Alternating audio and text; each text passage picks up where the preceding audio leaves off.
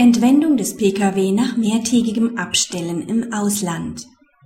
Das mehrtägige Abstellen in einem öffentlichen und bewachten Parkhaus in der Slowakei begründet, auch wenn dies von einem unbekannten Interessierten beobachtet worden ist, keine grobe Fahrlässigkeit. Der Kläger hatte seinen Pkw-Sportwagen in einem bewachten Parkhaus in der Slowakei für mehrere Tage abgestellt.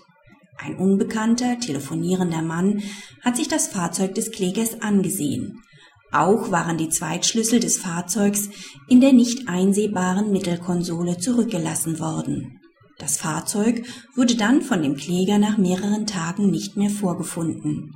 Der Versicherer berief sich darauf, dass der Kläger den Versicherungsfall Entwendung grob fahrlässig herbeigeführt hat.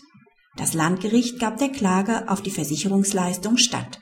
Grobe Fahrlässigkeit liegt vor, wenn die verkehrserforderliche Sorgfalt in besonders schwerem Maße verletzt wird und schon einfachste, ganz naheliegende Überlegungen nicht angestellt werden und das nicht beachtet wird, was im gegebenen Fall jedem einleuchten müsste.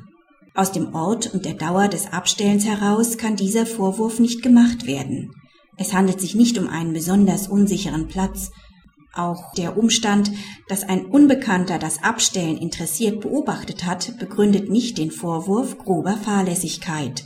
Dies war, abgesehen davon, dass gar nicht bekannt ist, ob der Unbekannte mit der Entwendung überhaupt etwas zu tun hat, nicht so ungewöhnlich. Anderes gilt für das Zurücklassen der Fahrzeugschlüssel in dem Pkw.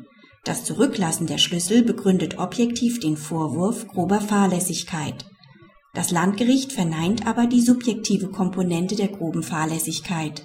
Der Kläger sei geschäftlich in einer sehr angespannten Situation gewesen, so dass ihm aus dem einmaligen Vergessen des Zweitschlüssels ein nicht so schwerer Vorwurf gemacht werden kann.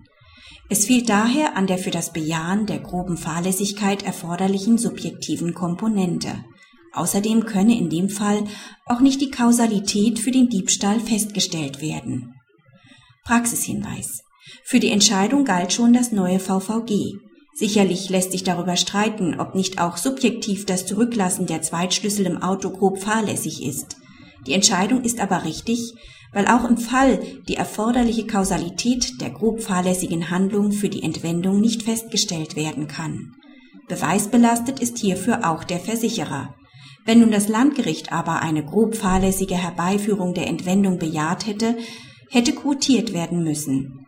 Im Fall spricht dann einiges dafür, eine Quote im Bereich von 50 Prozent zu finden